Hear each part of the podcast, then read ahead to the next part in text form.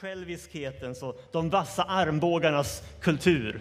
Ehm, det är inte våldet eller den starkes rätt som Jesus lyfter fram, utan det är frid, barmhärtighet och liknande. Och som slutkläm slår Jesus fast att det är de av oss som faktiskt lider som kommer dra det längsta strået i evighetens ljus. Saliga är de som blir förföljda för rättfärdighetens skull. De tillhör himmelriket. Så nu är det upp och ner här alltid. Gudsrikets logik. Eh, och det finns väldigt mycket att säga om Jesus saluprisningar. Vi hade kunnat ägna hela den här dagen tror jag åt att, att gå in i dem och se vad de kan få för konsekvenser eh, för oss idag. Eh, jag tänkte bara borra lite djupare i en av verserna, och det är den allra första. Och det är Jesu hyllning av de som är fattiga i anden. Fattiga i anden. De tillhör himmelriket, säger Jesus. Vad betyder att vara fattig i anden? Eh, och varför är det en sån nyckel in i Guds värld? Det tänker jag är en spännande fråga. Jesus börjar här. Han säger att det här är på porten in i allt det som vi sen ska få lära och utmanas av i hans undervisning. Eh, man kan tänka lite olika där. Eh, det finns vissa kristna traditioner, eh, delvis kanske den jag själv har mina rötter i, eh, som har tolkat det här ganska mycket som en, en hyllning av lite grann den här lite allmänna enkelheten och torftigheten det anspråkslösa, det fattiga. Och det ligger någonting i det. Jag tror att det kan ligga någonting i det. Men framför allt tror jag att den här andens fattigdom är någonting som sitter på insidan.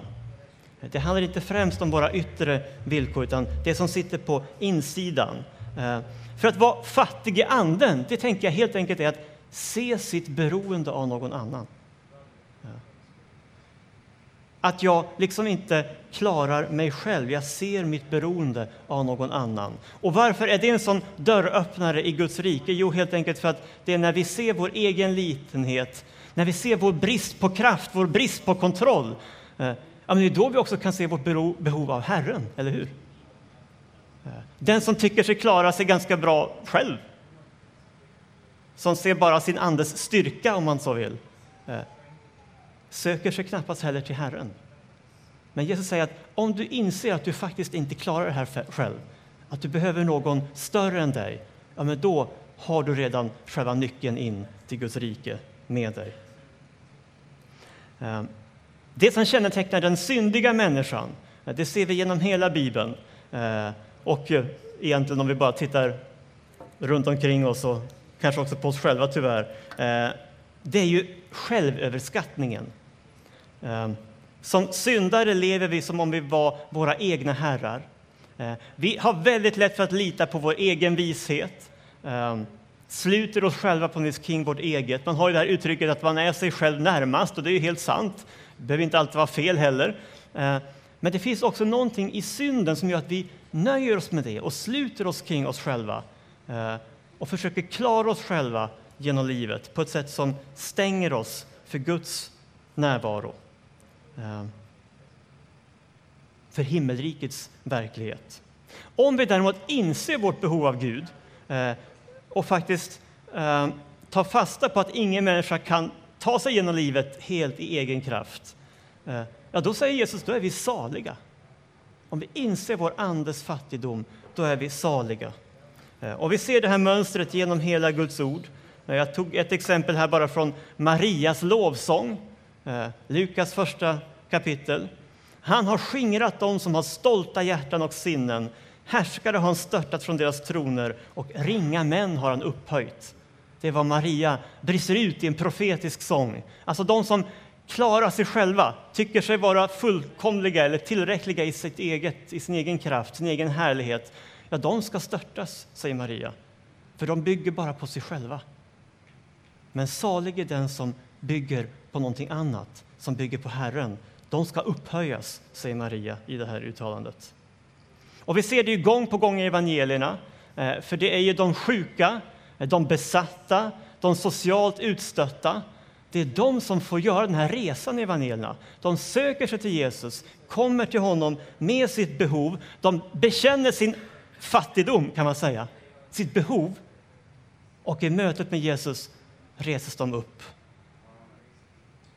till ande, själ och kropp får vi se Guds upprättelse gång på gång i evangelierna för dem som är fattiga i anden.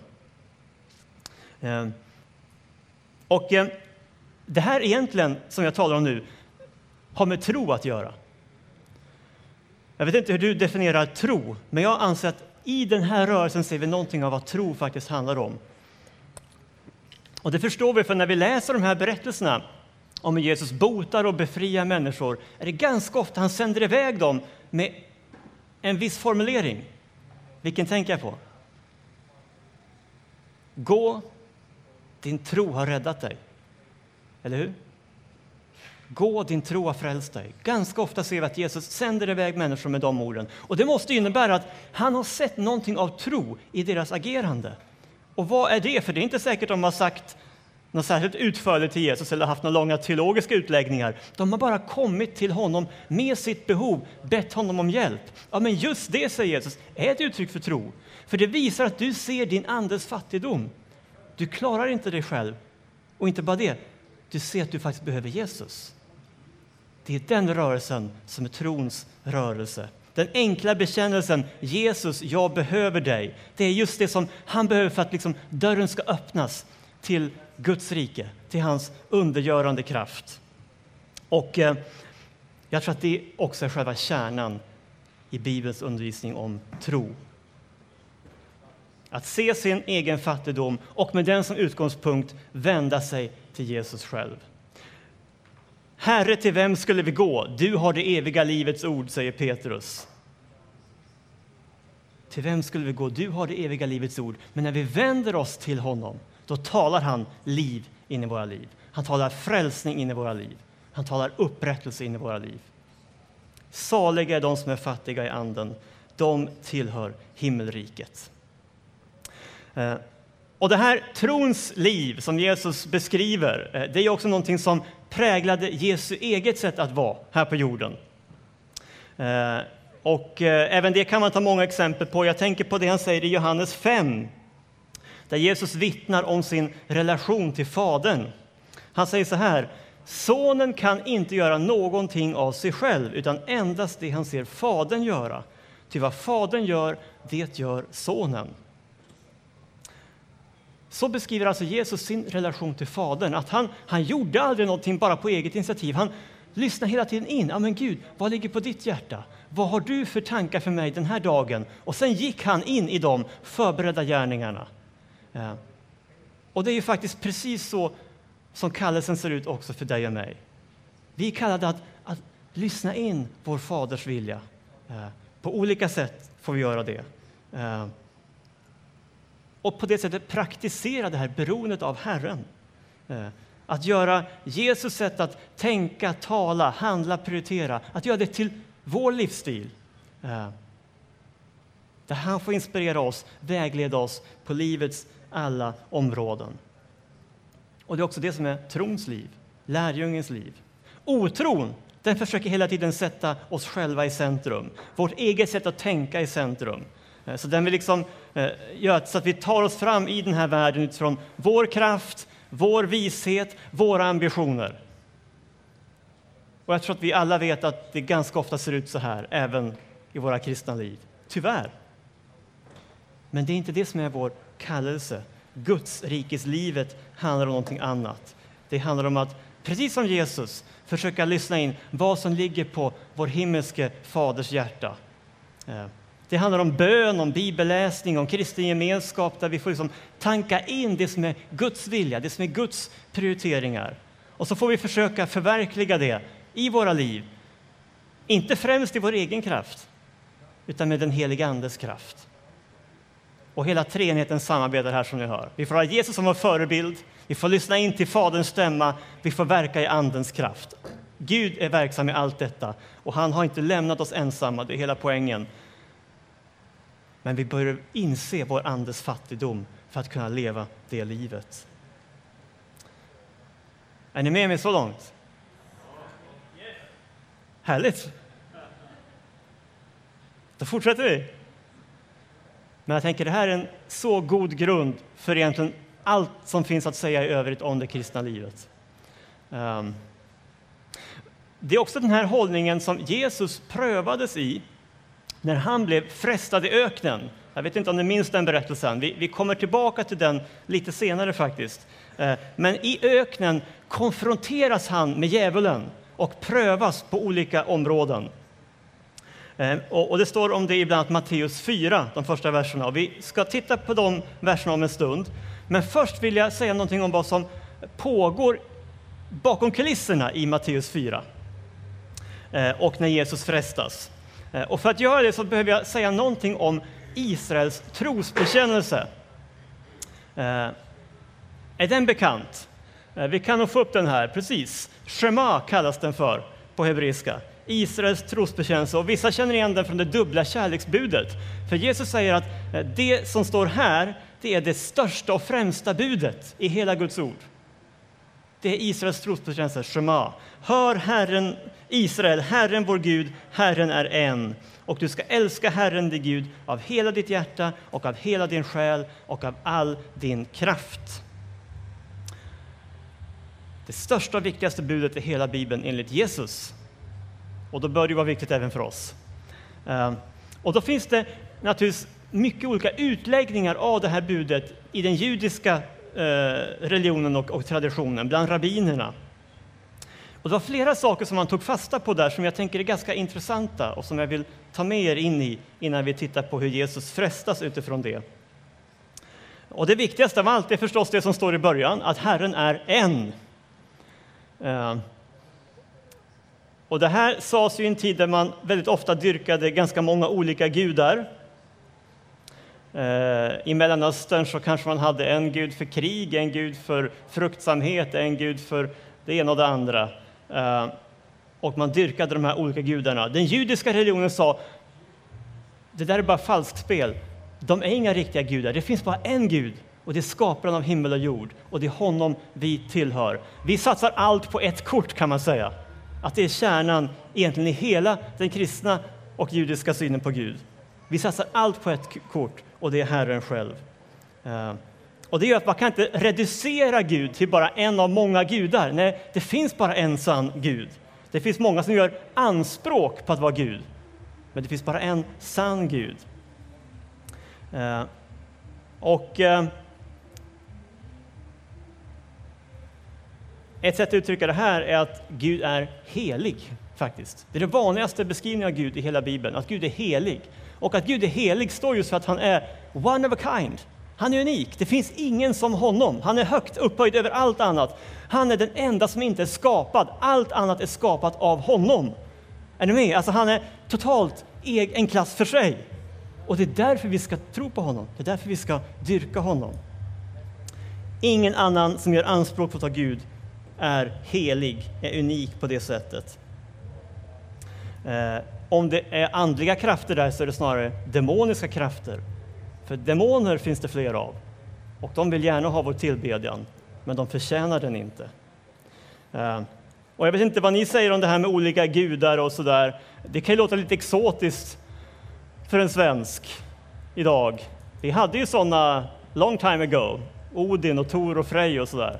Men det är länge sedan för de flesta av oss. Det finns väl nyhedningar också i och för sig. Eh, men visst, vi dyrkar inte idag gudar av trä eller sten eller metall i första hand. Det, det är helt sant. Eh, det finns sådana religioner än idag. Jag menar, åk till Indien så finns det miljontals gudabilder. Eh, men jag tänker så här att även i Sverige finns det ju eh, trender, ideologier, förhållningssätt som är en form av avgudar. Och vi ska tala om dem ganska mycket de här dagarna faktiskt, för tre av de vanligaste och viktigaste, de heter pengar, sex och makt. Och det är vad vi ska få fördjupa oss lite mer i här om en stund och imorgon. Pengar, sex och makt. Helt klart kvalar de in för att vara avgudar i vår kultur och kanske i alla kulturer. Eh, Martin Luther vet jag inte om ni är så bekanta med, men han var ju faktiskt en av de viktigaste personerna i reformationen för några hundra år sedan, som har format inte minst Sverige helt och hållet i grunden. Och han skrev en bok som hette Den stora katekesen, där han utlade tio Guds bud, bland annat. Och där, kring det första budet, så ger han den här definitionen på vad en gud är. Han säger så här, en gud kallas det som man väntar sig allt gott av och som man i all nöd tar sin tillflykt till. Att ha en gud är alltså ingenting annat än att av hjärtat förtrösta och tro på honom, så som jag ofta har sagt, att det endast är hjärtats förtröstan och tro som gör både Gud och avgud. Jag tycker det här är en, en intressant definition av, av Gud. Eh, för det är klart, med den definitionen så är det ganska mycket i vår tid som kan kvala in som gudar, eller hur? Alltså det jag tar min tillflykt till, det jag förväntar mig väldigt mycket gott av, kanske oproportionerligt mycket gott av. Eh, det jag satsar på, om, om vår kallelse som jag sa var att satsa allt på ett kort, nämligen Herren, så är avgudarna, det är när vi börjar blanda ut leken och satsa på ganska många kort. Eller hur? Och vi har ett gäng spelkort i vår kultur som, som är ganska vanliga att man satsar på. Eh, för att ta några exempel, jag nämnde ju trender och ideologier. Om jag tittar på samhällsklimatet och debattklimatet så det är ingen tvekan om att sådana saker som feminismen, normkritiken, hbtq-frågorna, aborträtten. Det är sånt som man håller heligt i Sverige idag. Och så aggressivt försvarar att man nästan inte ens får väcka en diskussion om de frågorna. Men för mig signalerar det att men här har vi avgudar.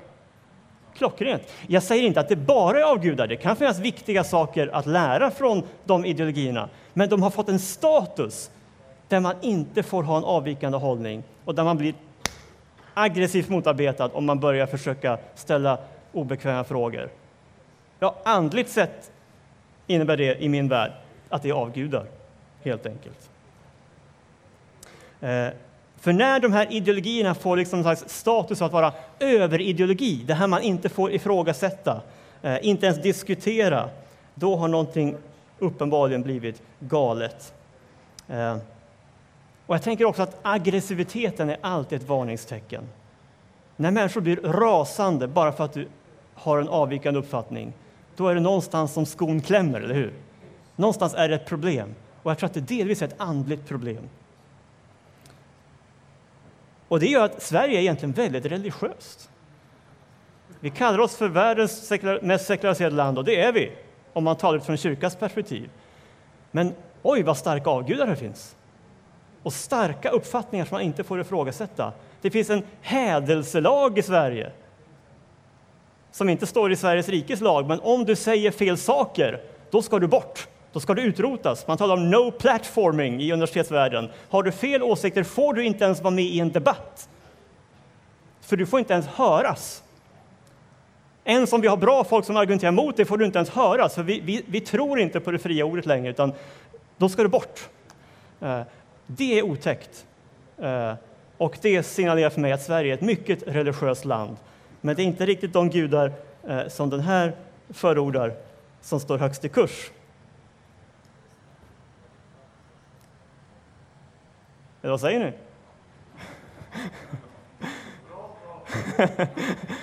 Vi kan ta frågorna sen. Eh, det finns tid för allt. Men nu är det jag som predikar och jag går tillbaka till Israels trosbekännelse. Eh, I talet om Gud som en låg ju inte bara tanken på att, att Gud är unik, utan också att det är bara han som förtjänar vår tillbedjan. Det är inte bara en matematisk iakttagelse att det bara finns en Gud. Nej, men det står för någonting djupare. Det står för att det är bara honom som vi ska böja knä för. Ingen av de här andra ideologierna, eller trenderna eller beteendena ska vi falla för. Vi kan förhålla oss till dem, vi kan till och med lära oss av dem, men vi ska inte dyrka dem, upphöja dem till överideologi. Och i schema uttrycks det här på tre olika sätt. Eh, och det grundar sig att vi ska älska Herren den finns där fortfarande, ja. Vi ska älska Herren. Eh, redan här får vi en viss utmaning, för när vi talar om att älska i Sverige, i vår kultur, hela västvärlden kanske, så tänker vi väldigt mycket på en känsla. Eh, vad säger ni som är lite, lite yngre? Om du säger att man älskar, visst tänker man ganska snabbt på känslan. Ja, men jag kanske är kär, förälskad, väldigt mycket det. Eller att det bara känns ganska bra. Så tycker jag man använder ordet. Eh, än en gång, det behöver inte vara helt fel, men när jag läser Bibeln är det inte det som ligger i schemat till exempel. Det, när Gud säger så här, vi ska älska honom av hela vårt hjärta, menar han inte att vi alltid ska ha bara varma känslor för honom eller att vi, vi alltid ska vara förälskade i honom i en slags känslomässig mening, utan det handlar mer om att vara överlåten till honom, att fullständigt överlåta sig till Herren, att som jag sa tidigare, satsa allt på honom. Ehm, så att älska Gud av hela sitt hjärta, det är att överlåta sig till honom, det är att tro på honom, det är att tillbe honom, det är att lyda honom. Det är faktiskt att älska någon enligt Bibeln. Att älska Gud i Bibeln, det är att lyda honom. Ehm, och det är därför vi ska älska då Gud av hela vårt hjärta. Och än en gång har vi lite så här communication eh, challenge här. För att, eh, när jag tänker på hjärtat utifrån min kultur, då tänker jag än en gång väldigt mycket på känslor. Eh, men när en jude tänkte på hjärtat så tänkte man inte så. Man tänkte på att hjärtat, det är därifrån hela livet utgår. Det är på centrum av livet, det är det som styr mitt liv. Mer det jag skulle kalla det som sker i hjärnan utifrån min syn på saken. Så att älska Gud av hela sitt hjärta, det är inte en känslomässig sak, utan det är en viljemässig sak. Jag bestämmer mig, jag vill överlåta mig åt Herren fullt ut. Eh, så redan här ser vi att vi, bara för att förstå vad Gud säger så måste vi lite grann utmana vår egen kultur. Eh, vi ska älska Herren av hela vårt hjärta. Och eftersom Gud är en, eftersom han är skaparen av himmel och jord, så förtjänar han vår odelade tillbedjan att helt enkelt hållas högt i allt. Och det var ju det som Luther också var inne på, att det är det som är att ha en Gud, att, att liksom fullt ut förtrösta på honom, lita på honom, älska honom, tillbe honom. Eh. Och det är det som är trons hållning till Gud. Att se sitt beroende av någon annan, att erkänna sin andes fattigdom och just därför låta Gud och hans vilja vara det som avgör hur jag lever. Jag satsar allt på ett kort. Och Det stryks också under om man tittar på de två andra leden här i Israels trosbekännelse. För det som Bibeln säger är att vi ska älska Herren, inte bara av hela våra hjärtan, utan också av hela vår själ och av hela vår kraft. Eh, tre saker, hjärtat, själen och kraften. Och när Israels rabbiner utlade den här texten så sa de ofta så här att av hela din själ, det kan man också uttyda som om han än tar din själ. Alltså, även om han begär att du ska ge ditt liv för honom.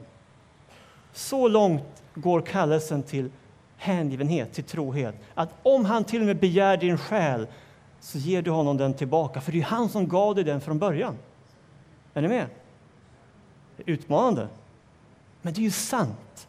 För det är klart, om Gud har skapat dig och mig så har jag egentligen inga anspråk jag kan göra på honom. Det är han som skapar den, jag är det skapade. Han som har gett mig livet kan faktiskt också ta mitt liv. Självklart är inte det någonting någon av oss önskar, men han har rätt att göra det. Om han inte har rätt att göra det, då har vi någonstans degraderat honom. Det var i alla fall vad de judiska rabbinerna sa. Eh, Lidanden för Gud kan i vissa extrema situationer föra en människa ända in i döden. Eh, så din och min lojalitet till Herren, eh, den går utöver det som har med vår bekvämlighet att göra. Vi är kallade i klartext att hellre gå i döden för Jesus, för Herren, än att förneka honom. Och den som inte utmanas av det skulle jag vilja träffa. Men vi vet också att det är väldigt många som betalat det priset. Och det mest aktuella senaste åren har ju varit de kristna i Mellanöstern.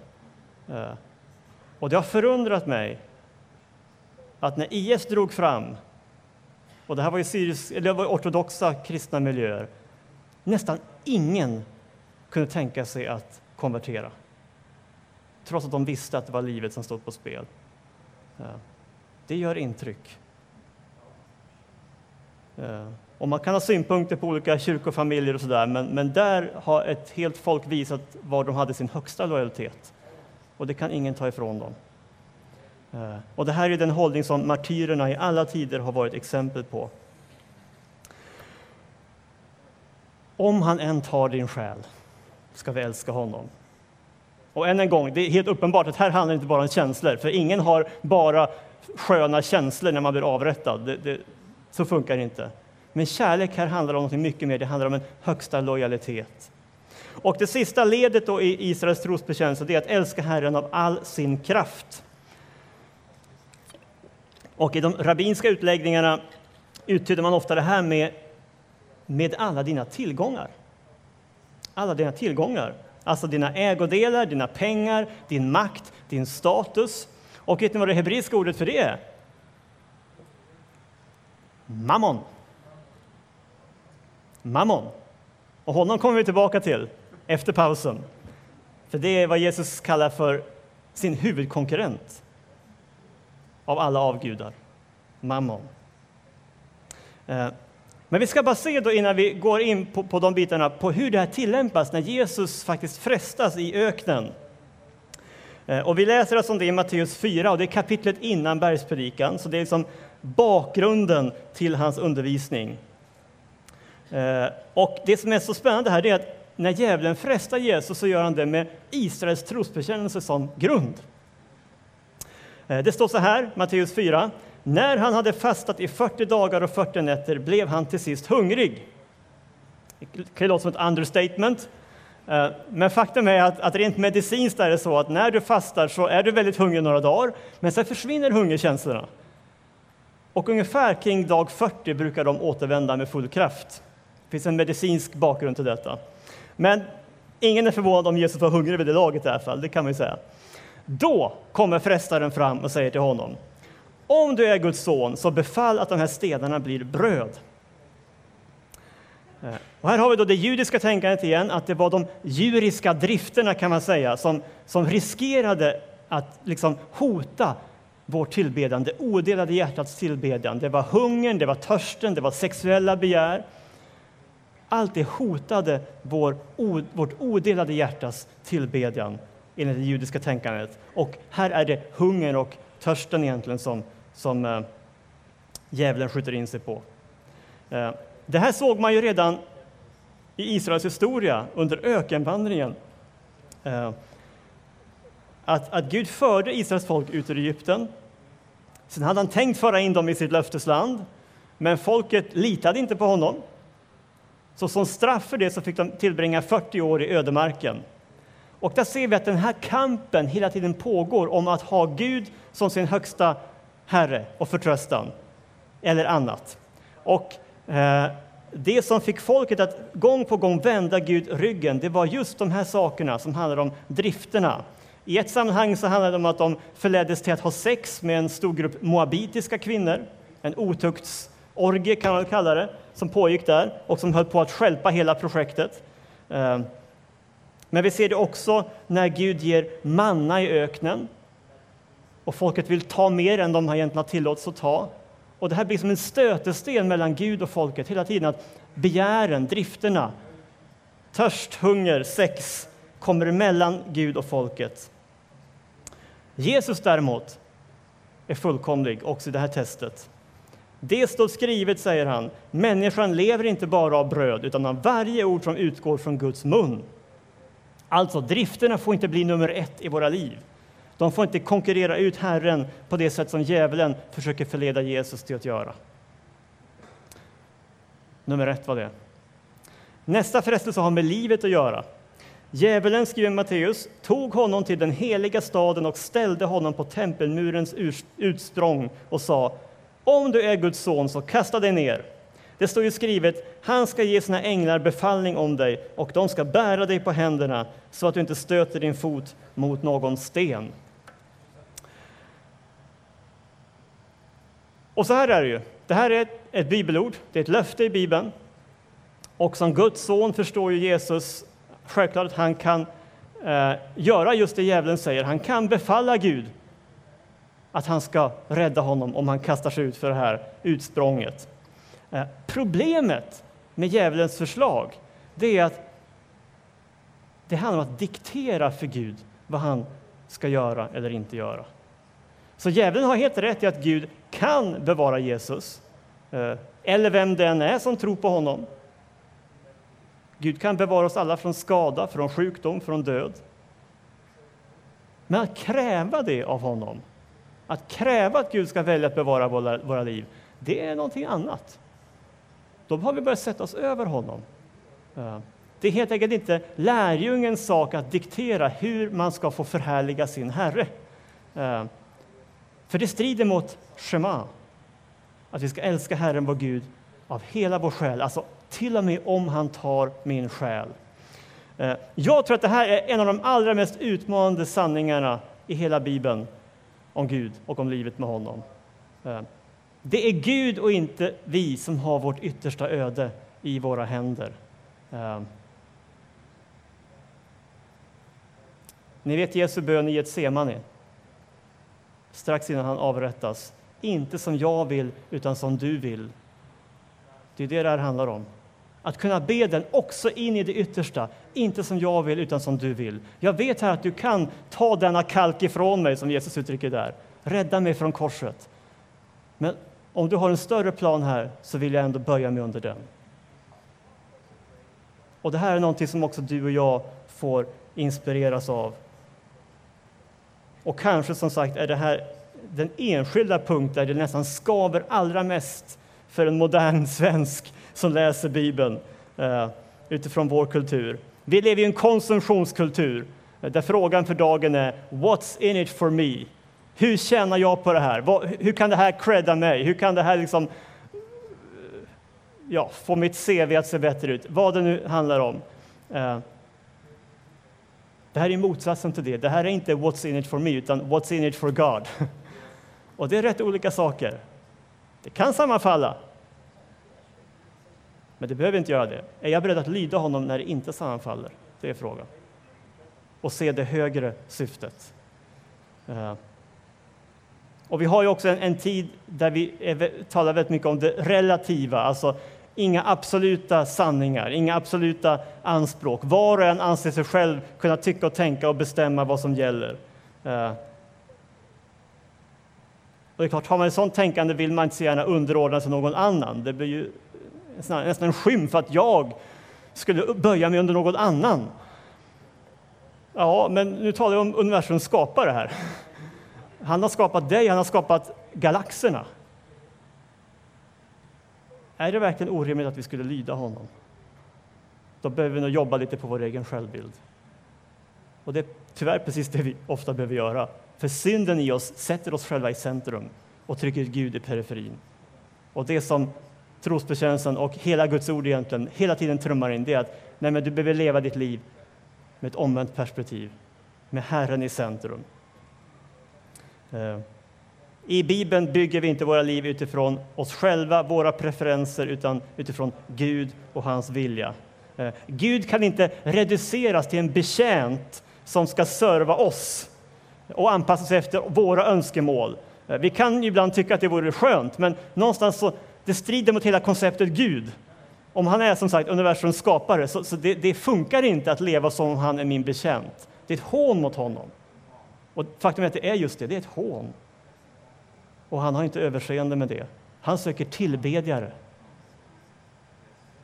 Inte folk som bara vill utnyttja honom för sina syften.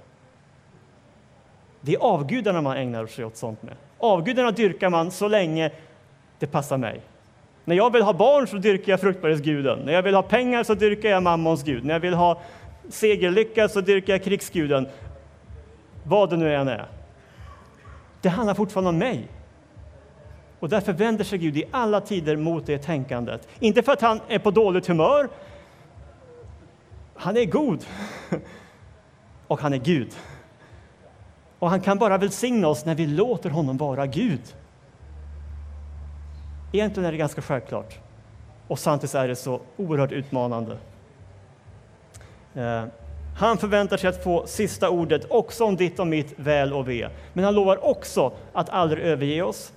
Han lovar också att alltid vara trogen sina löften. Men han lovar inte att vi ska slippa lidande. Det gör han inte. För då blir lidandet någonting som vi ställer eller rädslan för lidande snarare, något vi ställer över Gud. Och då blir det en avgud. Lyckan och hälsan kanske blir en avgud. Vi läser i Matteus 4 att Jesus står pall även för den här frestelsen. Alltså frestelsen att ställa sig över Guds suveränitet.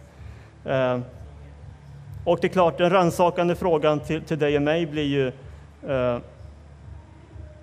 Står vi pall? Även om det skulle vara så att Gud valde att kalla oss till lidande, kanske till och med martyrium. En oerhört rannsakande fråga. Och vi ska alldeles strax bryta, men jag vill bara snabbt ta den sista frestelsen, nummer tre, för den har med mammon att göra. Och vi kommer tillbaka till mammon snart, men, men det står så här att djävulen tog upp Jesus på ett mycket högt berg och visade honom alla riken i världen och deras härlighet. Och han sa, allt detta vill jag ge dig om du faller ner och tillber mig. All makt och rikedom i den här världen erbjuder djävulen Jesus. Eh, det enda lilla villkoret det är att Jesus ska tillbe djävulen som Herre. Alltså, i klartext, falla ner i avgudadyrkan. Eh, för Jesus är det någonting otänkbart och han skickar iväg djävulen med orden Gå bort Satan, till det står skrivet Herren din Gud ska du tillbe och endast honom ska du tjäna. Och då står det lämnade djävulen honom och se, änglar trädde fram och tjänade honom. Tre kallelser i Israels trosbekännelse. Eh, älska Herren din Gud av hela ditt hjärta, hela din själ, all din kraft.